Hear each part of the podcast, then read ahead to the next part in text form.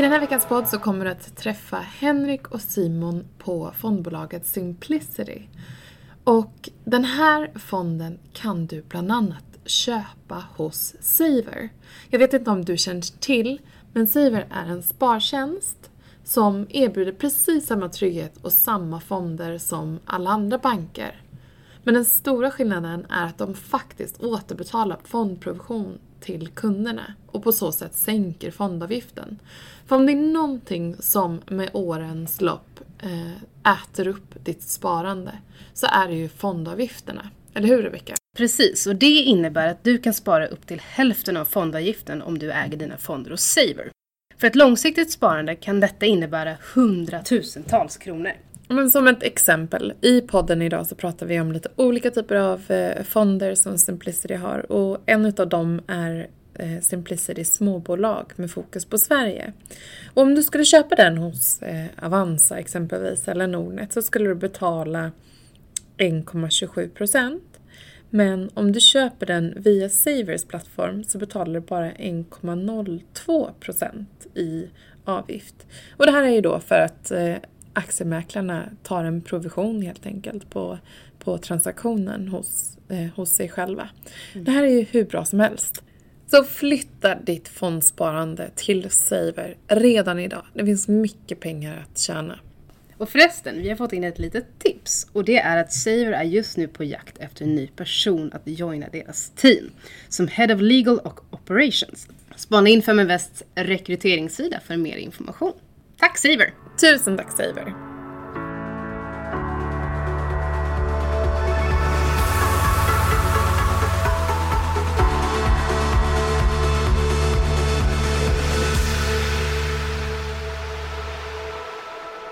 Den här veckans eh, Feminvest-podd så hade vi egentligen tänkt att vi skulle göra den live men eh, liksom alla andra så behövde vi anpassa oss till de nya, det nya livet med covid-19 restriktioner om hur vi ska umgås.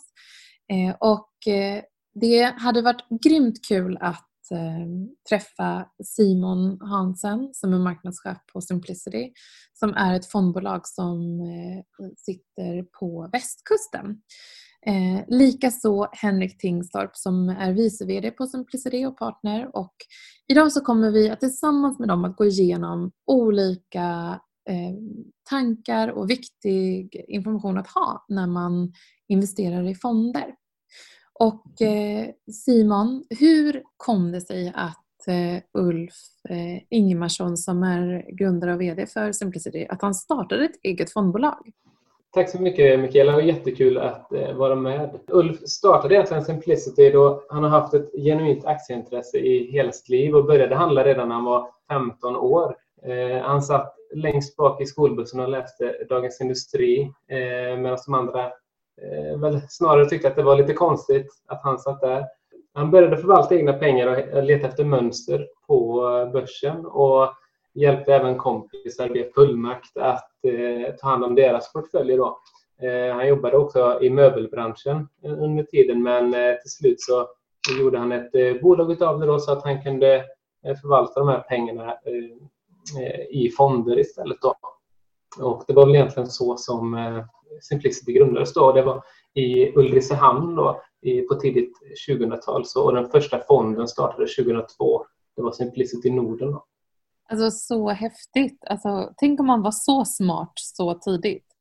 Eh, jag läste inte Dagens Industri på bussen på väg till, till skolan. Nej, men exakt. Det gjorde inte någon annan heller. Det, det, har ju han eh, vunnit på kan man ju säga. Både förmodligen hans egen aktieportfölj och också kompisarnas aktieportfölj. Det var mycket att tacka för. Ja, precis. Eh, Henrik eh, Tingstorp, superintressant Simon förresten att höra. Eh, och Henrik Tingstorp, du kom in ganska tidigt. 2005 eh, började du på Simplicity. Och du är idag ansvarig för ränteförvaltningen. Jag förstår ju att man vill ha kvar Ulf eh, på aktierna i och med att det var det, han som var så vass på det från början. Mm. Men eh, hur, hur startar man ett fondbolag? Jag förstår att det är, det är tillstånd som krävs och en hel del kapital. Ja, det stämmer. Ehm, alltså, egentligen är det... Man start, man, tanken från början är att det startas egentligen som vilket företag som helst, att man har en rätt stark idé, att man tror på någonting. Då. Och eh, Ulf hade till exempel en idé att han hade ett sätt hur han skulle attrahera eh, vad heter det, aktiemarknaden då, via den här Nordenfonden. Eh, men om man ska gå in på tekniskt hur man startar ett fondbolag så måste man ju självklart ha en ansökan till Finansinspektionen eh, och även ett startkapital då för att ha. Eh, vi har ju som vilket bolag som helst i finansvärlden krav på att ha lite kapital. Då. Sen behöver man ju också självklart några investerare som hjälper till i början för att starta upp kapitalet och få lite lönsamhet i fondbolaget också. Då. Eh, och idag är det lite lättare än vad det var eh, 2002 då när vi startade, för då behövde man ha allting på plats själv. Mer Nu kan man till exempel använda fondhotell, så egentligen behöver man bara ha förvaltare i dagsläget för att starta upp fondbolaget. Allting bak, bakom kulisserna egentligen kan man få köpa egentligen på, hos någon leverantör på stan. Då. Så att det, det ser lite annorlunda ut faktiskt, hur det såg ut historiskt mot hur det gör, gör idag. Då. Mm. Ni började ju med Nordenfond som du sa, eh, men sen har ni byggt på med ytterligare olika typer av fonder. Eh, hur tänker ni runt de här fonderna och varför har ni valt dem specifikt? Ja, eh, framförallt, vi har ju ett tema egentligen att vi försöker ligga rätt nära de bolagen som vi investerar i. Då. Så att, eh, och temat är just nu för oss då Sverige, Norden och en global strategi. Eh, dels ser vi att det är många som vill investera i de här regionerna, eh, men också då att eh, Sverige och Norden till exempel då, är en väldigt historisk stark marknad. Och, och bolagen här, vi kan dem bra, plus att det är också väldigt många välskötta bolag just i Sverige och Norden. Då. Så att det är väl egentligen grundtanken för att vi har så pass mycket investeringar nära oss där vi befinner oss. Då. På räntesidan eh, har vi faktiskt tänkt lite annorlunda. Där eh, är vi också självklart eh, Sverige, Norden, globala. Men där har vi mer tänkt i fyra olika riskportföljer i våra fyra olika fonder. Där vi går från liksom lägsta risk kanske nästan upp till den högsta risk man kan ta i en räntefond också. Då. Så lite olika beroende på om det är aktier eller om det är räntefonderna som vi pratar om. Mm. Och vi ska komma in lite på, på skillnaderna mellan räntefonder och aktiefonder eh, och hur man ska liksom, tänka som investerare. Eh, men vi har berättat lite om Simplicity och Simplicitys bakgrund och Ulfs eh, bakgrund också som grundare av fonden. Eh, men kan inte du berätta lite om, om din bakgrund också? Eh, hur kommer man, eller hur blir man en, en fondförvaltare? Ja, eh, jag... Alltså egentligen är mitt stora intresse har varit matematik eh, och det var det ämnet som jag gillade bäst i skolan eh, när man gick på högstadiet och gymnasiet. Sen tog jag självklart en universitetsutbildning då, på en, på, med inriktning mot just redovisning och finans där man fick mycket siffror egentligen. Då. Sen började jag jobba som revisor på KPMG då mot finansiella bolag och jag visste att just lära sig redovisning var väldigt, väldigt viktigt för att bli en duktig förvaltare. Så det var en tydlig strategi med det valet att jobba där. Plus att jag visste att man fick lära sig väldigt mycket i början där också. Sen var jag på Brummer och Partners som jag har väldigt, väldigt mycket att tacka för som är ju en hedgefondsförvaltare eh, där man fick lära sig att var, man skulle vara väldigt noggrann i allt man gör då. Så just första året man jobbar så formas man rätt mycket som person och även hur, man, hur sitt arbetsliv ska se ut. Så att eh, de, båda de två arbetsgivarna har jag väldigt mycket att tacka för. Då. Sen har jag varit på Simplicity under många, många år då och eh, egentligen direkt när jag började här så tog man tillvara på den kompetensen jag hade att starta vår fond. Så egentligen har den fonden varit vår väg in i räntemarknaden för Simplicity. Så att eh, ett starkt intresse och eh, vilja lära sig där man, eh, där man tror på så blir man en, eh, troligtvis en duktig förvaltare. Mm. Och vad, vad är fördelarna med, eh, med Simplicity utöver närheten till stranden och kitesurfandet som jag vet att du ägnar dig åt? Ja, precis. Nej, jag skulle säga att vi sparar rätt mycket tid också att sitta på västkusten. Ehm, och framförallt är det ju dialogen med bolagen som jag upplever är rätt, väldigt smidig och effektiv. Då. Till exempel vi har ett telefonsamtal eller ett eh, digitalt samtal då med, med ett bolag och då sitter jag på min arbetsplats och kan Eh, egentligen fortsätta jobba direkt efter. Nu har ju det här coronaviruset gjort att många har ju i digitaliseringens värld utvecklats väldigt mycket och gått framåt nästan tio år då i utvecklingen. Så att eh, där, där tror jag många kommer använda mycket mer framöver. Då. Men det har varit en väldigt stor fördel för oss att spara faktiskt tid. Då. Mm. och närhet. Sen sticker det ut lite också. Vi är ju ett av få fondbolag i Sverige som sitter på västkusten. Och många gillar det också att vi tänker lite annorlunda. Man hamnar inte i det här bruset som alla andra. Man träffas ju oftast till exempel då uppe i Stockholm medan vi hamnar lite utanför det bruset och kan gå vår egen väg och göra vår egen förvaltning. Och det är på gott och ont, men oftast är det på det goda. Mm. Ni har ju eh, även adderat en, eh, en fond som heter Simplicity Småbolag Global. Och det är småbolag med fokus på stark tillväxt såklart och det är global exponering. Eh, jag vet ju att eh, mindre bolag har, har liksom vuxit mer i förhållande till de mer etablerade bolagen och jag förstår att man vill ha exponering mot det. Hur, eh, hur tänker ni där? Ja, vi såg ju självklart, precis som du beskriver där, att det var en Eh, väldig popularitet i svenska småbolagsfonder till exempel. Och då tyckte vi att eh, det finns väldigt få eh, globala småbolag eh, som erbjuds på den svenska marknaden framför allt. Så, att, eh, så det var tanken egentligen bakom fonden, varför vi startade den. Och I dagsläget då så har vi rätt mycket IT-bolag och mjukvarubolag och även lite livsmedel och konsumentbolag. Då. Lite svenska innehav också självklart då, som Axfood och Thule. Men även lite utländska bolag också som Deckers till exempel då, som eh, eller Qualys, ett IT-bolag eller ett bolag i Singapore då, som håller på med också livsmedel. Då.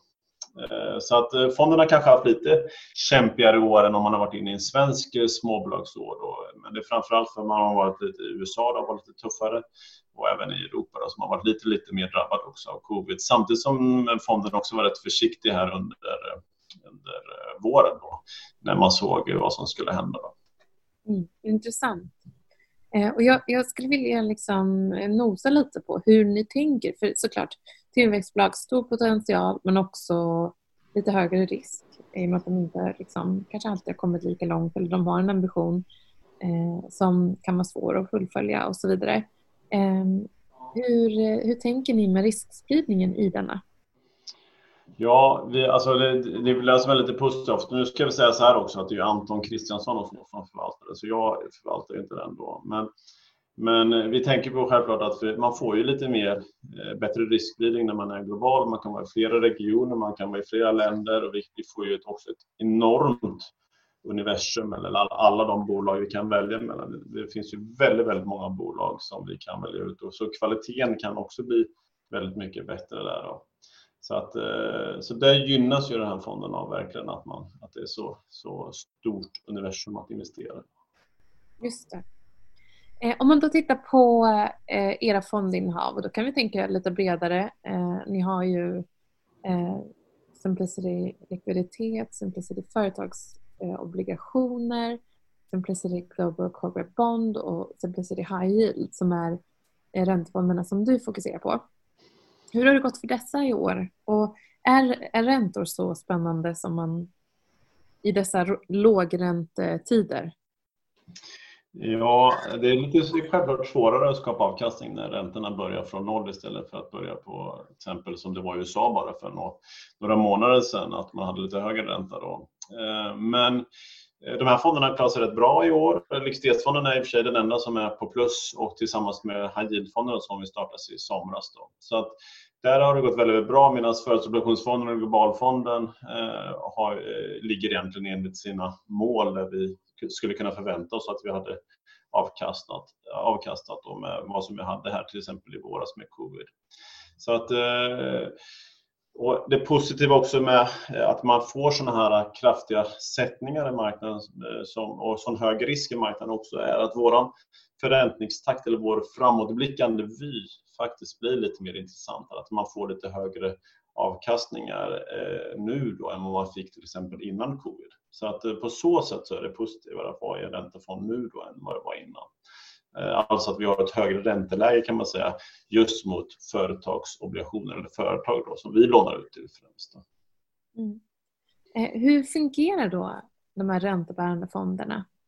Eh, ja, det fungerar som så. Det är egentligen rätt enkelt om man tänker till lite. Och eh, det positiva när man har en räntefond är att, och det är det jag gillar då, som jag går tillbaka till min historik när man gillar matematik, så att man har det mesta i ekvationen när man ska räkna ut vilken risk man vill ta. Då. Så du har ju, vi lånar ut pengar till företag och vi gör det på en viss löptid, då, så tre eller fem år. Eh, vi vet vilken avkastning vi ska få och vi vet vilken risk det här bolaget tar. Så vi vet rätt mycket om hur vår portfölj egentligen ska bete sig eh, och det tycker jag är rätt intressant. Då. Eh, sen blir det självklart lite fluktuationer i fonden då, beroende på marknadens utveckling och hur de, marknaden skulle prissätta just det här enskilda företaget. Då. Så att, eh, men grundtanken är liksom att vi lånar ut pengar till ett företag och att vi ska få tillbaka det på en viss tid. Och där kan, man också, kan vi också jobba med lite strategier för hur lång tid vi vill låna ut de här pengarna. Om vi vill göra det kortare eller om vi vill göra det längre. Och gör vi längre så är det självklart högre risk än om vi gör det kortare. Då. Så att, eh, eh, lite enklare än vad man tror, men det är komplext eh, när man kollar på en fond som sådan. Och jag vet att det är svårt att förstå. Mm. Eh, och då så, så tänker man ju, ja men okej, high yield exempelvis, en high yield Eh, kanske kommer med eh, en möjlighet att tjäna lite extra pengar men också blir väl en högre risk i och med eh, att eh, kreditklassen eller på bolagen kanske eh, blir lite, eh, jag får lite lägre rating. Ehm, hur, hur ska man tänka som investerare här och vad är viktigt att vara medveten om när det kommer till risk för de olika räntefonderna? Ja, precis. Vår highheel-fond till exempel är ju den fonden som vi tar högst risk i och vi självklart förväntar oss också högst avkastning då. Och där får man ju tänka som så att man får vara lite mer långsiktig då i en sån fond då och även eh, alltså tänka på att den kommer röra sig lite mer än våra andra fonder. Så att eh, vi placerar ju dagsläget någonstans eh, på att vi ska få tillbaka våra pengar på 3-3,5 år någonstans. Och det blir ju fondens eh, underliggande placeringshorisont. Då. Och indirekt så blir det också den som investerar placeringshorisont. Då. Så på 2-3 år någonstans, eh, där är ju en rimlig löptid för att nå en vettig avkastning som troligtvis är eh, eh, rätt långt över nollan i alla fall. Alltså positiv avkastning. Mm. Eh, ni har ju också eh, hållbarhetsarbete eller ESG, Environmental Social Governance, eh, för den som klurar vad ESG står för. Man hör det ofta i investeringssammanhang. Eh, och jag vet att hållbarhet är någonting som ni också jobbar aktivt med, med till exempel påverkansdialoger som är jättespännande. Ni redovisar för vilka krav ni har ställt på bolagen exempelvis. Kan inte du berätta lite mer om det här och har det hänt någonting aktuellt som ni vill dela med er av? Ja, eh, vi, eh, det är ju självklart eh, som du säger en riktigt, riktigt grön trend och framförallt jobbar man ju mycket mot miljömålet då, som är egentligen det, det största faktiskt då. Också med regelverk som kommer här framöver. Eh, jag tycker precis som du säger, det är påverkansarbetet, det är där vi kan verkligen göra skillnad och det är det man känner också själv att man gör någonting som investerare. Liksom. Och det är också lite intressant, om man tänker en fond så blir man ju rätt stark om man går ihop flera stycken och kan vara med och påverka. Då. Så det är också viktigt i valet med fondbolag. Då. Så vi försöker ju ha en dialog egentligen med de flesta bolagen som vi investerar i. Där vi är rätt stora investerare, där vi blir liksom betydande. Och framförallt till exempel om du tar vissa av nischbankerna så kan vi säga till dem att eh, vi, vi tycker eh, vår största risk att se är att ni gör en ansvarsfull kreditgivning till exempel. Då. Så kanske de går med i sin tur med i sådana initiativ då, mot ansvarsfull kreditgivning. Så just påverkansarbetet är väldigt, väldigt viktigt och det är där vi kan förändra väldigt mycket. Eh, sen en annan del inom hållbarhet är att man väljer bort vissa investerare till exempel. Så vi har ju gått en rätt snäv väg där, att vi väljer bort allt in, inom fossila bränslen och investerar i det och väljer de bolagen egentligen som då står inom eh, förändring. att de ska bli helt fossilfria då 2030 till 2050 någonstans. Det är lite olika prognoser på vilket bolag man, man eh, kollar på. Då. Så att eh, trenden just nu är det här påverksarbetet men det kommer också vara ett stort fokus på hur vi som fond då uppfyller Parisavtalet till exempel då, eller 1,5-gradersmålet. Men även de här 17 globala målen ska vi visa på ett sätt hur vi, hur vi jobbar mot dem eh, och även mot koldioxidavtryck idag då just i fonden. Så att det kommer här eh, i just skulle jag säga nästa år faktiskt. Mm, coolt. Mm. Eh, har du några ytterligare spaningar inför nästa år? Det är inte långt kvar på året. Nej, precis. Eh, vi har ju lite spaning. Jag skulle säga så här, Go Green är ju spaningen faktiskt. För att eh, eh, regelverket kommer göra att mycket kapital kommer allokeras in i gröna investeringar. Men det är ju självklart, redan har ju mycket pengar eh, allokerats in här då. Eh, och risken finns att det blir för mycket pengar också, att det blir en bubbla. För vi ser värderingarna här stiger rätt mycket för att utbudet är rätt begränsat också. Så att spaningen är både att intressera sig för det men också att se upp för fallgropar då, att det kan bli riktigt höga värderingar. Just det. Ja, det är det som har varit speciellt med det här året. Att man har en del ja, tech och en del life science-bolag som har dragit iväg ordentligt. Förhoppnings Eh, förhoppningen om att de, och många techbolag har också haft fantastiska rapporter eh, och visat på att de har fått en bra tillväxt. Eh, men väldigt intressant med, med Go Green och att ja, det är inte bara liksom ett, ett önsketänk från privata investerare utan det är ju extremt mycket krav ställs ytterligare hela tiden på det institutionella kapitalet som gör att det behöver förflyttas till de gröna alternativen. Precis, ja, men så är det verkligen. Och det är ju USA-valet inte viktigt också, om det blir Biden eller Trump. Då. Vi är mitt inne i det här nu. Då. Så, eh, så vi får se vad som händer där. Biden tror man ju faktiskt ska vara lite mer positiv till just det här också. Då. Men sen eh, har ju alla pratat sista veckorna här om eh, valet, vad som ska hända, men man kanske inte fokuserar lika mycket på vaccinet. Så det är faktiskt om det är ja, sex eller sju bolag just nu som har ett fas 3-vaccin på gång här. Så Astra bland annat och Johnson Johnson. Då. Så att när det kommer också så tror jag många är rätt intresserade att vara med och investera också och fortsätta investera. Så det kommer också bli en förändring för oss. Mm, det.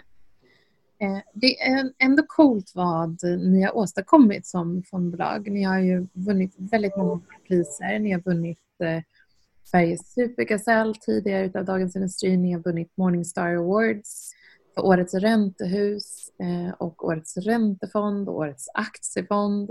Och ni har också blivit årets företagare ganska nyligt här, 2019. Eh, vad är ni mest stolta över? Ja, man kan väl säga så här, vi, inte, vi har inte varit så bortskämda med priser historiskt eh, på Simplicity. Så det, det var ju väldigt kul faktiskt att vi blev uppmärksammade när vi, hade, när vi växte så pass mycket som vi gjorde då. Så för min del som är ansvarig för räntesidan så är jag nog mest, eh, personligen mest stolt över att vi blev, eh, vann årets räntehus och har varit nominerade i två år också som årets eh, räntehus. Så det är mer för att jag vet hur stor konkurrensen är och att det är oftast mot de stora eh, storbankerna eller deras eh, fondbolag då, som vi tävlar mot. Så att det var ett väldigt, väldigt erkännande för oss och väldigt, väldigt roligt. Så att eh, där var vi ute och firade rätt mycket på stan faktiskt eh, och det var roligt. Ja, det förstår jag.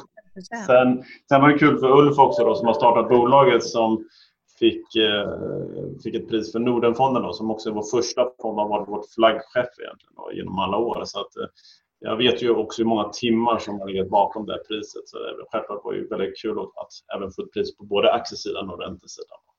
Mm. Simon, jag har en fråga till dig också. Mm. Vilken är den vanligaste frågan ni får av investerare? Ja, vi har varit på några av dem eh, redan kan man säga. Eh, dels hur man kan skapa avkastning i en räntefond eh, nu när vi har så lågt, lågt ränteläge. Även hur en räntefond kan gå ner. Och givetvis också den klassiska, vad, vad tror ni om börsen framåt? Det, det är väl de klassiska frågorna. Ja, men då tycker jag vi tar de där två sista som vi inte riktigt hade svarat på. Hur, hur kan en räntefond gå ner, Henrik? Ja, Jag tar över den till Henrik då, precis ja. Eh, ja, absolut. Nej, vi, eh, det är en, en räntefond fungerar som så att går räntan upp så går fonden ner. Då. Så att har man, får man stigande räntor egentligen så ofta ser man negativ avkastning på en räntefond. Då. Men det tycker jag, det behöver man inte bli så rädd för. För precis som jag berättade om innan då, så ökar ju våran framtida förräntningstakt, eller vår ränta i fonden ökar om räntorna stiger. Eh, så man sparar egentligen inte avkastning framöver då. Så att eh, det är snarare så att man faktiskt ska kanske vara, vara så tuff att våga köpa en räntefond när den går ner. Då. Eh, även om det kanske svider lite och gör om man förlorar några procent. Fråga nummer två om börsens utveckling. Eh, vi har fått lite skiftningar mellan eh, olika bolag. Då, det vill säga fastighetsbolag, banker och liksom traditionella bolag eh, där värderingarna är rätt låga historiskt medan tar man teknik eller eller gröna investeringar så är värderingarna väldigt, väldigt höga ur ett historiskt perspektiv. Då. Så att, men om man, man, väger ihop detta så tror jag nog att man kanske kan eh, få, eh, om man tar efter valet här och efter eh, vad heter det, Eh, den här lilla, om det blir den här coronasättningen som har varit, om man kom, kollar på lite längre sikt så bör man ligga någonstans faktiskt i positiv avkastning om ett år i alla fall, eh, om man kollar så pass långt. Så ja, 0 till 10 procent någonstans kanske man kan räkna med. Medan väljer man rätt typ av eh, fond då, och, och så kanske man kan ligga även högre än så. Mm. Ja, intressant. Ja, men jag, jag la ut på mitt Twitterkonto här för någon dag sedan, om, eller det var i förra veckan var det, eh, i och med att vi har sett lite röda siffror Eh, en hel del röda siffror de sista dagarna. Mm. Så jag, men om, om det går ner till samma nivåer som i vår, vilka, vilka innehav kommer du gå in i den här gången som du inte gick in i i våras? Eh, så det är väldigt intressant ändå, som du säger, att man alla i stort sett räknar med att börsen kommer eh, att vara tillbaka på, på nivåer som tidigare.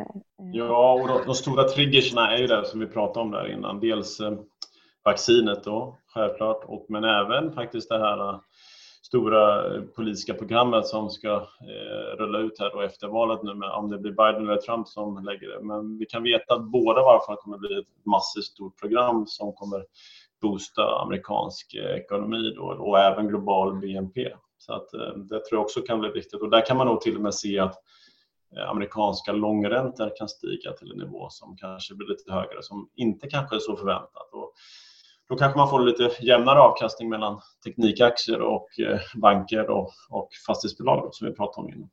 Ja. Spännande. Eh, tack både till dig Henrik och till dig Simon för att ni var med i den här veckans podd. Och eh, för dig som lyssnar, om du inte har gått med i vår Facebookgrupp eh, så gör det. Det är bara för tjejer eh, dessvärre. Men eh, om du är tjej så är du supervälkommen. Så att, Henrik, Henrik och Simon, vi får skapa en annan, en gender neutral grupp för er att gå med i. Ja, exakt. Det ser vi fram emot. Ja. ja. men tack för att ni var med och bidrog med, med kunskap och eh, inspiration inför kommande år och trender. Tack så mycket. Tack så mycket.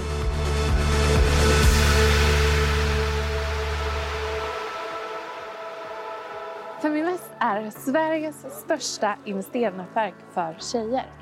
Vi vill att allt fler ska våga äga och förvalta.